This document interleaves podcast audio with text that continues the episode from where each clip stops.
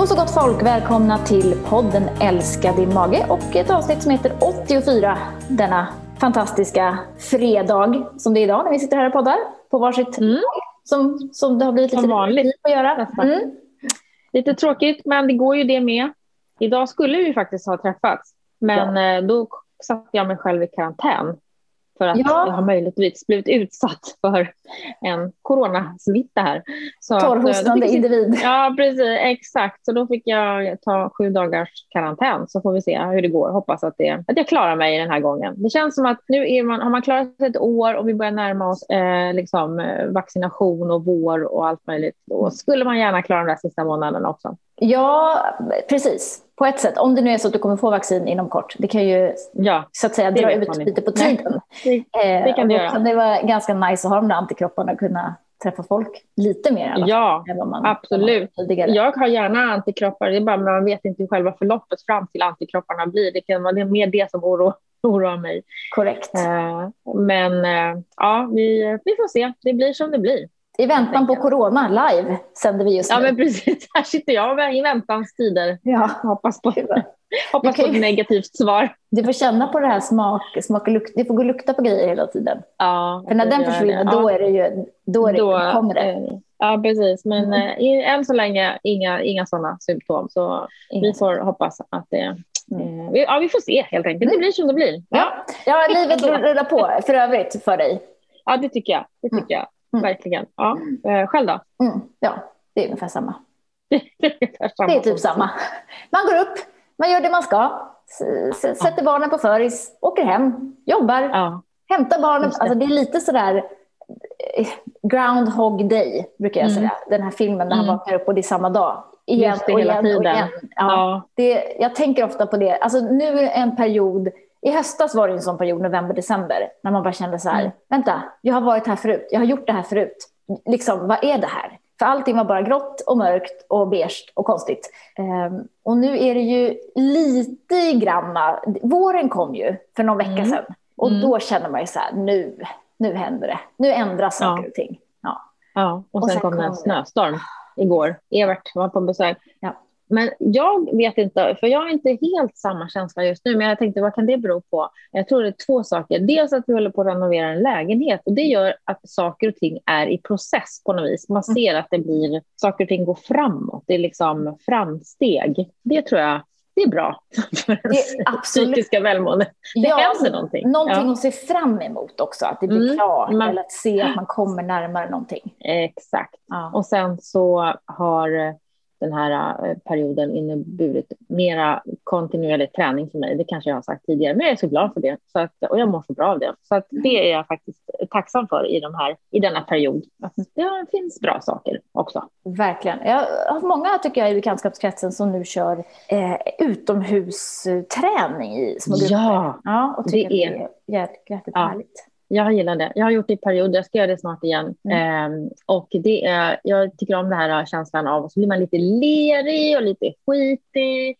Lite, så här, man känner sig lite cool när man tränar utomhus. Ja, så ja. Det är också en bra känsla. Det är den känslan man vill ha. Precis. Ja. Nej, men det, det, är härligt att, att, röra på sig och få lite, liksom, eh, få lite annorlunda händelser. Det är väl det som, man behöver bara göra någonting nytt då och då för att känna att nu mm. händer ändå någonting. Ehm, alla går ju liksom i på något vis väntans tider här nu på att det ska hända något nytt. Ja.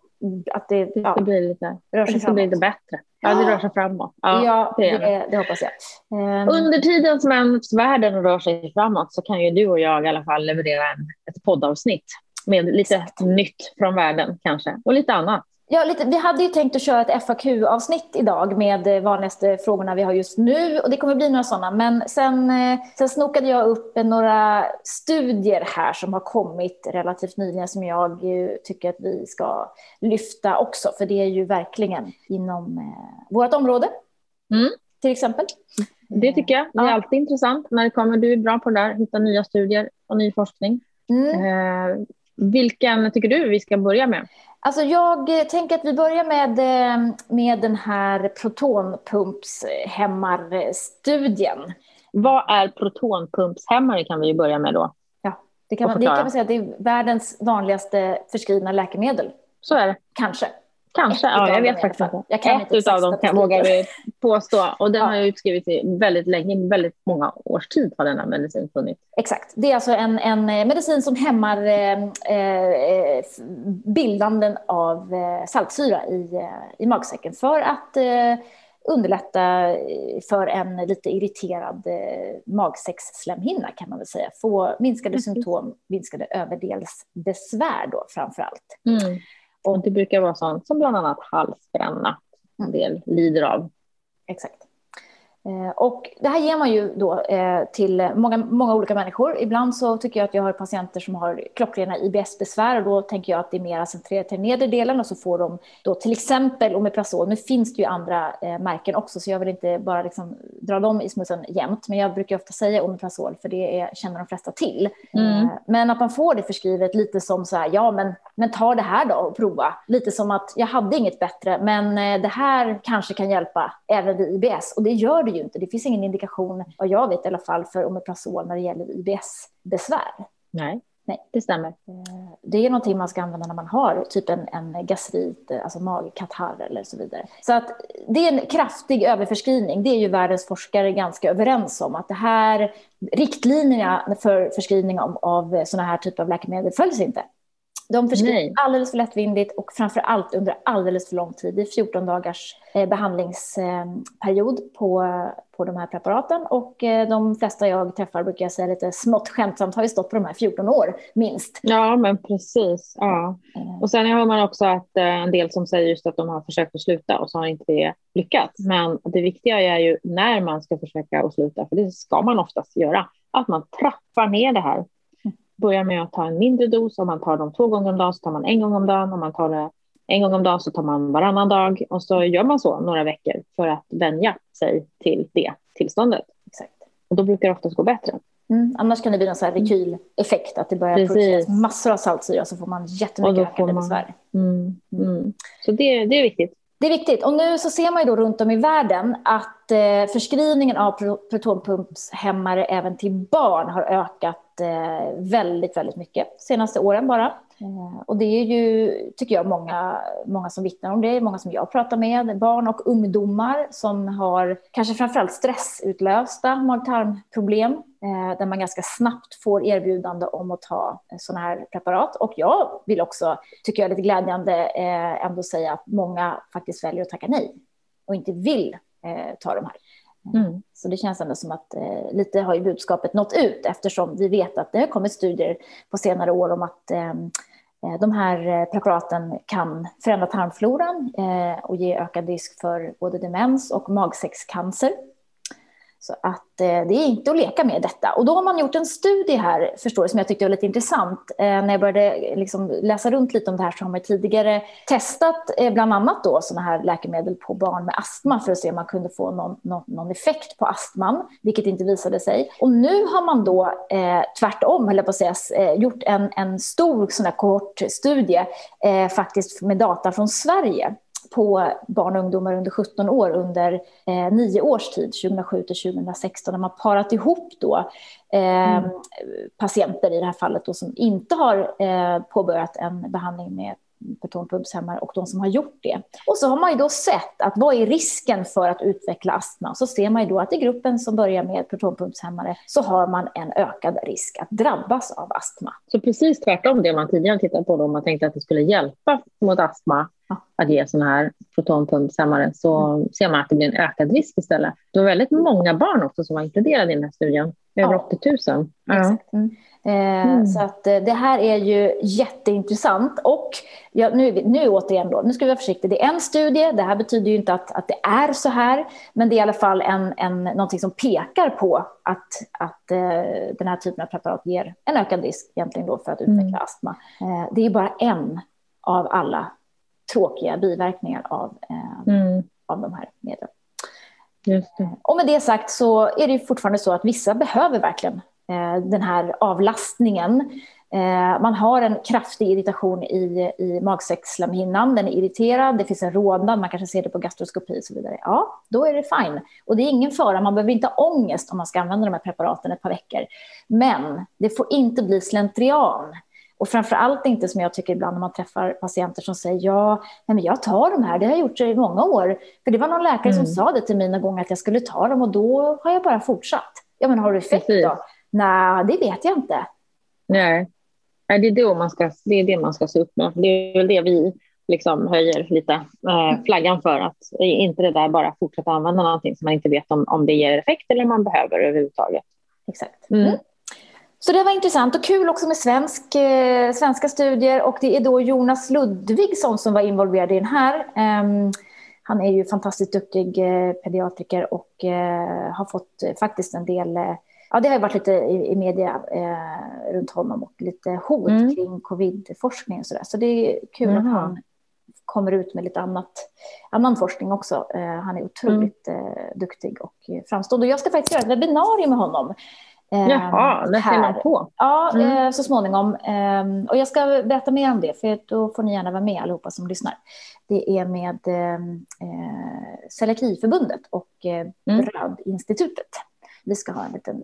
Spännande. Mm, så då får ni mm. lyssna. Jag ska bara rätta, rätta mig själv också. Det var 80 000 par barn. Så det måste ju betyda att det var 160 000. Ja. Om man ska Rent matematiskt, ja. ja. Det är rent matematiskt. 80 000 par, det måste bli 160 000. Ja.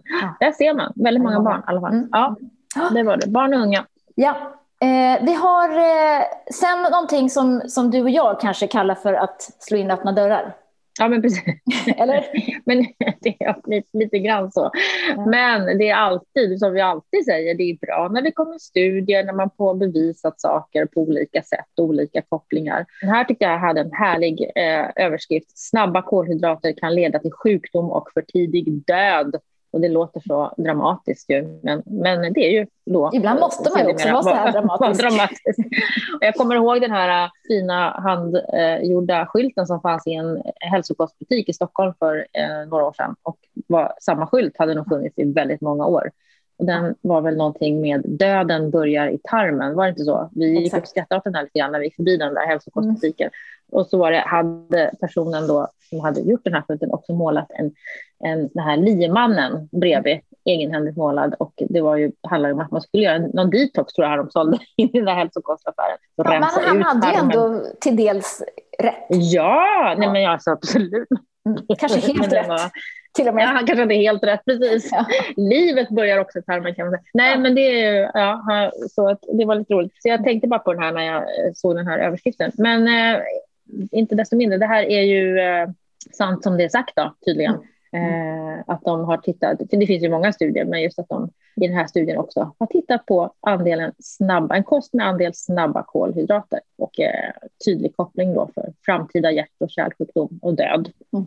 Mm, helt enkelt. Ja. Och det, det, här är intressant, det här är också då eh, en, en jättestor eh, studie, en, en eh, global studie där vi har 4 000 svenskar som ingår. Eh, och det här är en professor då eh, vid Göteborgs universitet, eh, Annika Rosengren, som uttalar sig och säger att kolhydrater av låg kvalitet är sannolikt minst lika dåliga eller sämre än många typer av fett.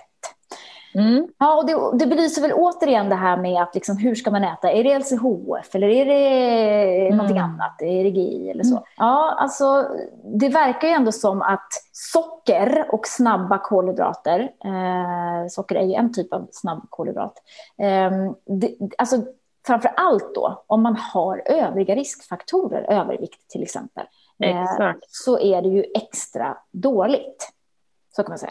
Precis, så kan man säga. Ja. Och det man också kan säga det är ju fortfarande att de kostrekommendationerna som vi har, de står sig fortfarande rätt bra. Högt intag av frukt och grönsaker och kolhydrater med högt fiberinnehåll som bönor och fullkornsprodukter. Ja, det är det som är, är bra att äta helt enkelt. Ja, och då tänker man ju direkt så här som FODMAP-anhängare. Jaha, och vad ska vi äta då? då? Bönor och fullkornsprodukter, det låter ju inte som ljuv musik i liksom, en IBS-persons öron. Nej. Nej. Eh, och det är återigen det här med att hitta bra alternativ. Högt fiberinnehåll finns ju på många, många, många olika eh, ställen, i många olika livsmedel och inte bara i bönor och fullkornsprodukter. Eh, så man gör ju så gott man kan här med de förutsättningar man har. Vi pratar återigen om det här med olika grönsaker varje vecka, gärna 30 olika grönsaker. Där får man mm. i sig mängder med fibrer. Bara det utmaning. 30 Exakt. olika vegetabilier på en vecka. Prova det. Det är en bra utmaning till sig själv. Skriv ner hur många olika vegetabilier du äter under en vecka. Och då räknas alltså eh, grönsaker, sädesslag och eh, frukt och bär in. Mm. Men inte potatis? Inte potatis. Nej. Varför inte då? Nej, jag vet inte. Det gör inte det tydligen. Va? Nej, okej. Okay. Mm. Jag, jag, tog alla vegetabilier över en kam. Ja. ja, du tog alla. alla. Ja, jag, ska, mm. jag ska faktiskt på, jag ska vara med på Nyhetsmorgon på onsdag den 17. Mm. Då ska jag minsann visa de här 30 olika. Jaha, ja. ja. Minsann. Okay. Och då tänker jag gå hardcore, så då tänker jag bara köra grönsaker. Och kanske bär och frukter. Ja, men alltså, det är svårt. Även om du tar med sädeslagen så är, lovar dig, jag har gjort utmaningen ja. på en mm. arbetsplats. Det var mm. många som sa, ah, men jag, som är rätt duktiga, liksom, ah, men jag kom upp på 22, 23. Sen var det liksom, sen var det svårt. Mm. Och det förstår man, för man Verkligen. äter ju gärna samma saker. Mm. Eh, oftast då. Men, eh. Ja, mm. men, det är men om man tänker mm. IBS-spåret där då, för då med fullkorn, alltså vi har ju vårt kära havre, det får vi ju inte glömma. Nej. Och så kan man tänka en sak, sak som quinoa till exempel, om vi åt quinoa lika ofta som vi vill äta pasta, många, så ja, då kanske man åt quinoa några gånger i veckan. Det vore ju bra mm. om man kunde det. Exakt, och ris, alltså råris. Fullkornsris, ja, ja. råris, ja. Verkligen. Och kall potatis kan man äta om man nu tycker att, att kokt potatis mm. har en för, för högt GI. Eh, men, men den här studien visar ju ändå att, att eh, de som har haft hjärt-kärlsjukdom eh, hade då en 50-procentig förhöjd risk för hjärt-kärlsjukdom. Och då jämför man de som låg högst och lägst på GI-skalan, det vill säga de som åt flest snabba kolhydrater och de som åt mest långsamma kolhydrater. Eh, mm. Och den motsvarande, då var ju riskökningen var ju 20 procent i gruppen som inte hade någon bakomliggande hjärt-kärlsjukdom. Så att mm. Och sen då naturligtvis eh, var det här starkare, effekten med, med högt GI var ju starkare hos personer då med övervikt. Mm. Mm. Så det här är ju ändå en, det, det, talar ju för någonting som vi redan vet och som vi gärna pratar oss varma om eh, ofta. Eh, men, men med det sagt så är det ju inte så heller att, att socker är liksom helt bannlyst, utan det handlar mest bara om återigen den här 80-20-regeln som jag ofta refererar till. En bra, mm. schysst grund, varierat, allsidigt eh, intag då kan man äta lite godis eller någonting annat lite då och då. Men, men mm. merparten är liksom det långsamma mm. näringsrika. Mm. Du har så rätt. Ja. Håller med. Vi ska inte ha någon ångest här, vi ska bara se möjligheterna i det här. Exakt. Att man kan påverka sin hälsa med mm. kosten. Mm. Ja. Vi är sponsrade av Dofilus, yoghurten med tre tillsatta bakteriekulturer. Ja, och vet du vad? Jag använder faktiskt den här eh, ibland i matlagning, till exempel om jag ska göra en dressing eh, och eh, vill ha den väldigt mager eller jag inte har något annat hemma. Jag gillar ju kalla såser och dressingar. Då kan man blanda den här med kryddörter till exempel eller Ivar relish eller någonting som ger smak. Och så om du ska till exempel göra en grönkålssallad när du vill att alla, alla bladen, alla delarna liksom blir lite insmörjda i dressingen, så kan du använda den. Det var ju ett väldigt bra tips. Eller hur? Ja, verkligen. Och annars gillar vi att man provar det här under en period. För dig som aldrig provat Dofilus, så kör 2,5 deciliter eh, per, eh, per dag och se eh, efter en period och se hur det känns i magen. Det är många som tycker att det här är väldigt, väldigt bra tillskott av eh, goda bakterier. Så testa Dofilus. Vi är också sponsrade av Alflorex, ett probiotiskt kosttillskott med bifidobakterium longum 35624 och som också rekommenderas av VGO, World Gastroenterology Organization. Bifidobakterierna vet vi ju eh, är lite lägre hos personer med IBS av någon anledning från start. Eh, och bifidobakterierna är ju viktiga för att minska inflammationen i tarmen och hjälpa till att bryta ner vissa FODMAP-molekyler och också öka produktionen av smörsyra som vi också är, vet är viktig för tarmens täthet. Eh, vi vet också att eh, under den första elimineringsfasen med FODMAP så har ju bifidobakterierna i tarmen en tendens att bli lite färre eftersom vi plockar bort en del mat till dem. Eh, så att eh, Alfredex är ett mycket bra tillskott för dig som har IBS och som också följer FODMAP. Och då är det så här att eh, vi tycker att du ska ta den med mat då ökar överlevnaden av bakterierna ner i tarmen. Och gärna med lite yoghurt. Eh, prova i fyra, gärna åtta veckor innan du gör din utvärdering. Eh, och så får du känna hur det känns. Så prova Alflorex. Eh, nu ska vi gå över och prata lite grann om eh, olika um, områden och lite eh, symptom och lite såna här saker sånt som vi har fångat upp kanske bland våra medlemmar i Belly Balance och lite patienter och sådär. Lite olika saker som vi har reflekterat över och kanske kan resonera lite omkring. Ja, vi får se. Vi får se. Jag tycker du hade en bra, bra en liten rolig, eh, eller rolig, men en, en, någonting att fundera över när det gäller eh, svullen mage. Mm. Ja, precis. Det är ju eh, så här um, med IBS eh, och eh, den här typen av funktionella mag-tarmbesvär som vi pratar mycket om. Och att vi för det första träffar väldigt många kvinnor. Ju. Alltså att det är lite fler kvinnor som har den här typen av problem eh, och vi träffar och pratar med väldigt många kvinnor. Eh, och vi kvinnor har ju en, eh, redan innan, har ju liksom en lite mer komplex månadscykel och vad ska man säga, fysiologi, får man säga så? Ja. Än vad det andra könet har. Vi har ju liksom ja, det händer kanske lite mer i våra kroppar som, som månaden går. Mm. Och vi är ju eh, skapade på olika sätt.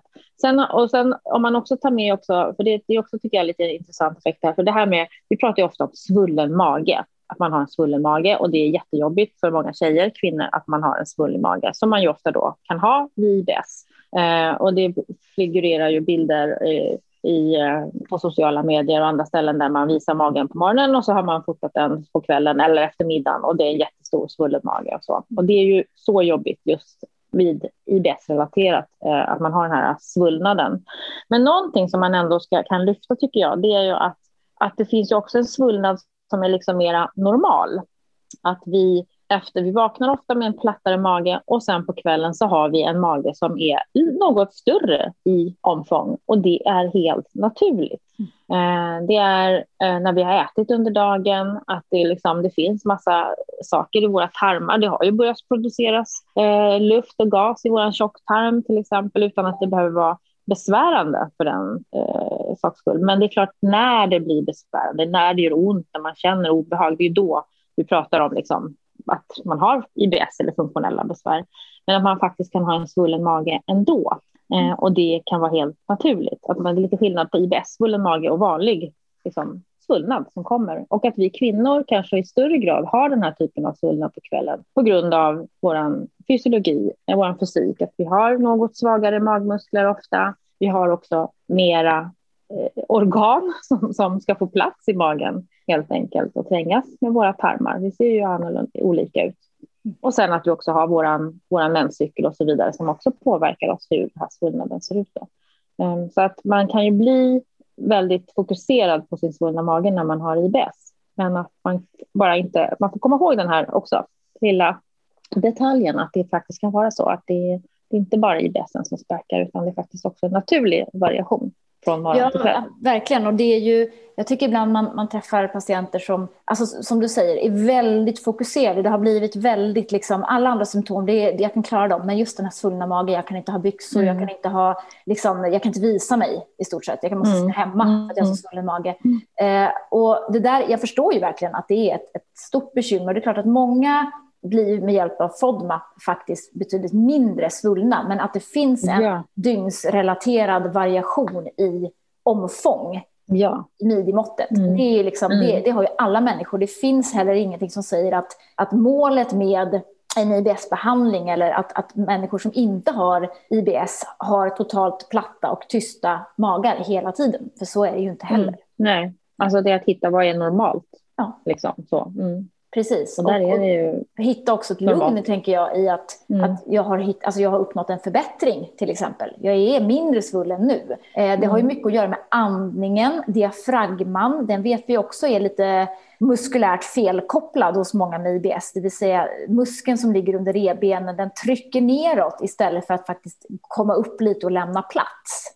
Mm. Och då får man ju ofta den här liksom ganska hårda kulan eh, i magen mm. Eh, längre ner. Och den där kan man öva upp, dels med andningsövningar och dels faktiskt genom att gå till en sjukgymnast som kan hjälpa till att visa stretchövningar för diafragman.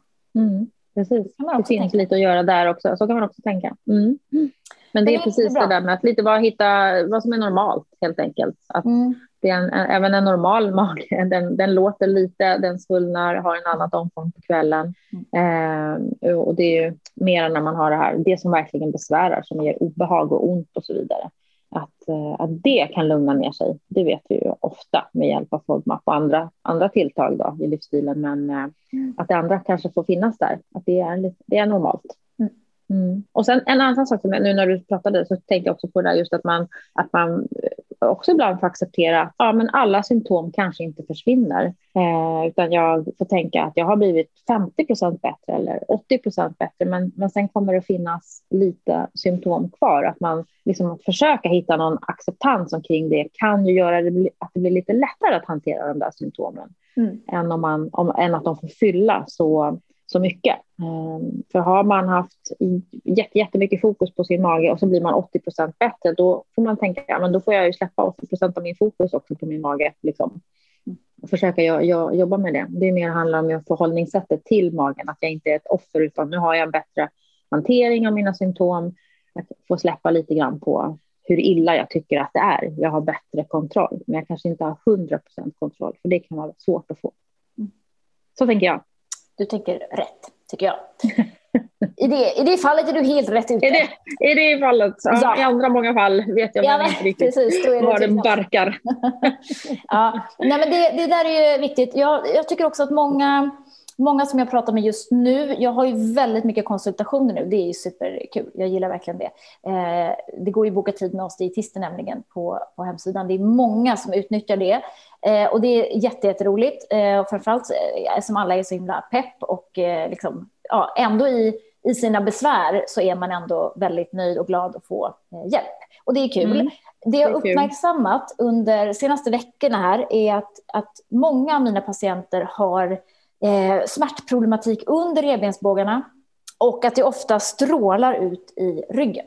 Okej. Okay. Mm. Eh, ibland kopplat till överdelsbesvär, alltså halsbränna eller uppkördhet eller illamående. Illamående är det väldigt många som är.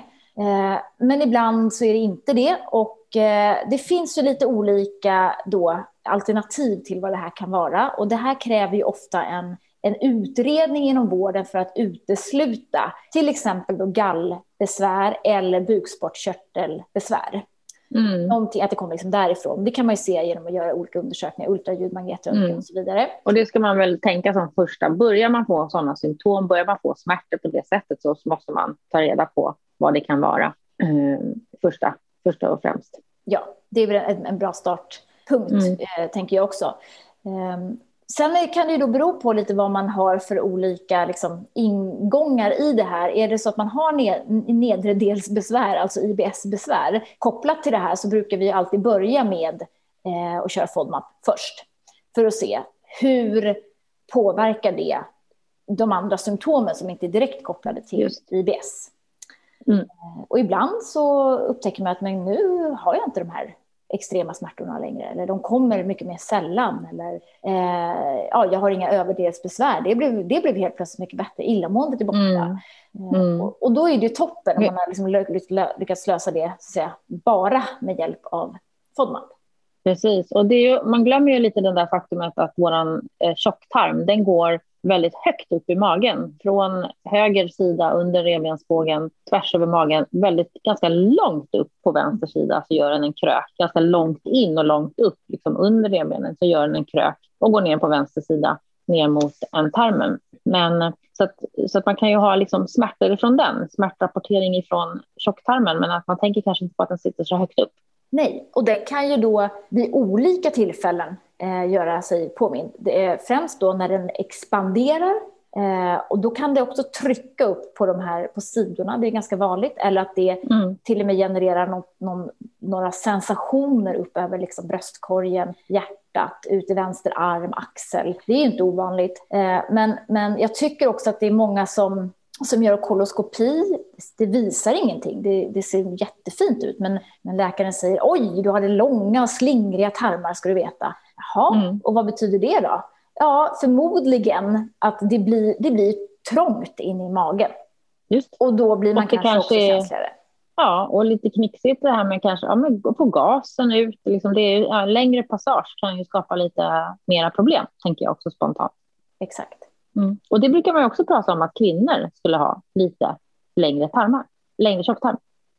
Var det så? Eller var det bara någonting jag hittade på just nu? Jag vet inte. Men, men, jo, men det, jag, jag, tycker att jag hör det, nu pratar jag ju mest med kvinnor, eh, men, men framför allt så tycker jag att jag hör det ofta, de som gör koloskopi, att, att man fått utlåtandet att allt ser bra ut, men du hade väldigt långa och slingriga tarmar, eller en lång och slingrig ja. tjocktarm. Ja. Eh, och det, är ju, det blir ju svårare att komma upp i den naturligtvis med, med ett skopi instrument. Mm, eh, mm. Men, eh, men det, det i sig behöver ju inte så att säga, betyda att det är något fel. Men däremot som Nej. du säger så kanske det blir gastransporten blir lite problematisk, avföringen, tarmmotoriken kanske också hackar lite grann mer om man inte har en, en alltså när det blir, ja, det blir som stopp liksom. Mm, mm. ja, Nej, men det är mycket med det där. Ja, det är mycket mer där. Men med det sagt, ja. eh, vi har också ganska mycket nerver ju, som går från magpaketet ut i ryggen och tvärtom. Eh, och där har ju både du och jag haft förmånen att jobba med otroligt skickliga kiropraktorer genom åren. Eh, ja, de är väldigt intresserade av det där också, om hur magen fungerar. Just ja. på grund av det faktumet där, eller bland annat på grund av det faktumet. De är ju duktiga på att titta, tänka helhet i kroppen. Ja. Som du säger, att det finns nerver som går direkt, har direkta punkter bak i, i ryggraden som går ut i, i mag-tarmpaketet. Precis. Kan man liksom mm. manipulera vissa punkter och så får man en effekt på magen faktiskt. Mm. Det kan vara det så enkelt. Mm. Väldigt spännande. Jag brukar säga att hade jag inte blivit dietist så hade jag nog velat bli kiropraktor. Ja, ja det är spännande. Mm. Så härligt, eh, häftigt yrke när man kan liksom, alltså känna med sina händer, det gillar jag. Men, men som sagt, mm. ni som har en kiropraktor, det kanske går bra med en naprapat kanske också. Jag kan inte så mycket om naprapater, jag har inte jobbat med några sådana. Men, men eh, kiropraktorer som tänker lite mer holistiskt mm. kanske då. Är ju oftast otroligt duktiga på att, eh, att i alla fall hitta kopplingar då, eh, rygg, mage, mage, rygg. Mm. Så att, där kan man ju diskutera sitt problem och det tänker jag överlag, om vi nu ska göra ett medskick här, det är att när man är hos en vårdgivare, egentligen vilken som helst, så tycker jag att det är alltid bra att ta upp sina magproblem. För det är vi generellt. Mm. Vi är ganska dåliga mm. på det inom vården. Mm. Du, jag jobbar ju med magproblem så vi frågar ju naturligt mycket om det. Men, men mm. i övrigt tycker jag ibland att det är lite sådär, det, det fångas inte upp. Går du till din Nej. fysioterapeut eller kiropraktor eller psykolog eller vad det nu kan vara så tycker jag att Berätta. man ändå... Ja, mm. precis. Mm. Mm. Dels för att det är kanske så att den här personen vet hur man ska få hjälp. Uh, och dels är det bra också i anamnesen att ha det med eftersom vi vet idag att tarmfloran till exempel kan vara kopplad till, till psykisk ohälsa. Men det finns ju liksom en rad Ja men absolut, kopplingar. precis och de är så viktiga att få med de kopplingarna. Mm. Eh, för att man vill gärna ha hela bilden just när man träffar en, en patient, så är det. Mm. Och fråga inte vårdgivaren, då får man upplysa. Så är det. Exakt. Mm. Bra. Ehm, ja, du Jeanette Steyer, har vi något mer på, på agendan eller känner vi oss eh, färdiga där? Ehm, ja, jag, jag, hade en liten eh, eh, sak som jag hade skrivit upp här bara. Det, vi har ju en fantastisk eh, medlemsgrupp som vi har varit inne på tidigare i Belly Balance på Facebook, en sån hemlig stängd sådan som man får gärna komma med i när man Eh, Eh, är medlem och prenumererar på vår app, går vår behandling. Och där tipsar ju våra medlemmar varandra och ger råd och stöd väldigt mycket. Det är jätteroligt att eh, läsa. Eh, då kom det upp lite frågor om eh, vitlöksolja igen. Eh, och vi har ju vår fantastiska skanner som man kan använda just när det gäller livsmedel för att bättre förstå vad man kan äta eller inte. Och, eh, men just den här frågan med vitlöksolja var ju det här med vad kan man använda och, och hur kommer det sig att man kan använda vår vitlöksolja eh, för att den eh, man har också läst det här om att man, det kanske inte alltid är så bra att låta, göra, göra egen vitlöksolja, låta vitlöksklyftor ligga i olja eh, stående hemma på bänken. Det är väldigt sällsynt, men det kan ju utveckla sig ett gift. Mm. Men vår vitlöksolja är ju upphettad. Eh, vår rapsolja är ju upphettad på ett sätt och det finns inga fibrer kvar som det här giftet kan växa på. Så det är därför den är liksom safe att använda. Mm. Men i vår produkt så är det ju bara använt eh, eh, rapsolja och själva eh, produkten lök eller vitlök. Då. Ja. Så det, och sen finns det några till ute på marknaden. Vitlöksolja, de, de flesta går ju bra för att det är ju just att de här fibrerna löser inte upp sig i olja, så de fungerar ju väl. Men, eh, men det var också svaret på, för jag såg att det var lite funderingar omkring oljorna, hur, de, hur kommer det sig att man kan använda dem? Men de är gjorda på ett säkert sätt. Just det, och det är ju också bra att komma ihåg att tittar man på innehållsförteckningen och det är noll gram kolhydrater i egentligen vilket livsmedel som helst så kan det inte ja. innehålla några FODMAPs. Det så är det. Det är bra. En bra liten tumregel. Mm, ja, men precis. Mm. Och sen, som sagt mm. så, så är alla, alla olika. Våra oljor är ju väldigt högkoncentrerade. Eh, andra oljor som säljs är ju inte eh, alls eh, samma smak på om man ska använda matlagning. Däremot går de oftast väldigt bra att använda som smaksättare på sallad eller vad man nu vill ha. Ja, och sådär. precis. Mm. Mm. Det var det jag vill säga. Det var det du ville säga, men då känner jag ja. att vi eh, har fått sagt det vi ville förmedla denna dag. Eller hur? Ja. Vi sparar resten till nästa gång. Mm, vi har faktiskt ett par mm. riktigt göttiga grejer som jag ska ta med. Åh, oh, vad spännande. Ja. Mm. Det låter bra. Ja, vill ni veta mer om oss, gå in på bellybalance.se eller ladda ner appen Bellybalance och prova de fyra första stegen gratis. Där har vi vår streckkodsläsare. Vi har massa mängder av recept och eh, kom igång-grejer och eh, ja, alla möjliga tips och tricks, fördjupningskurser och så vidare. Ehm, för er som är medlemmar eh, hade vi också idag ett webbinarie inne på vår Facebookgrupp där jag pratade om tarmbakterier och kopplingen till IBS. Det får ni gå in och kika på igen om ni missade det, tycker jag. Mm. Eh, och sen så får ni gärna kika på Nyhetsmorgon på onsdag den 17 mars. Och, Just det, det ska vi göra. Så ber jag få återkomma då om mina eh, webbinarier framöver här. Eh, det är några stycken som ligger eh, bokade. Eh, så ska ni få tillgång till dem också såklart och eh, kika där. Vad bra. Vill du titta på det också kanske, Jeanette? Jag vill jättegärna titta på det. Det var länge sedan jag tittade på dig när du sa något, så det, det gör jag gärna. Nu får man mm. bara se saker digitalt och då blir det så här, jaha, men det bara flimrar förbi. Eller hur? Ja, ja, men så är det ju. Ja, jag ska titta. Mm. Och på Nyhetsmorgon ska jag titta, såklart. Ta hand om er själva, ta hand om er mage. Bra. Ha det bra. Hej, hej. Ja. Hej så länge.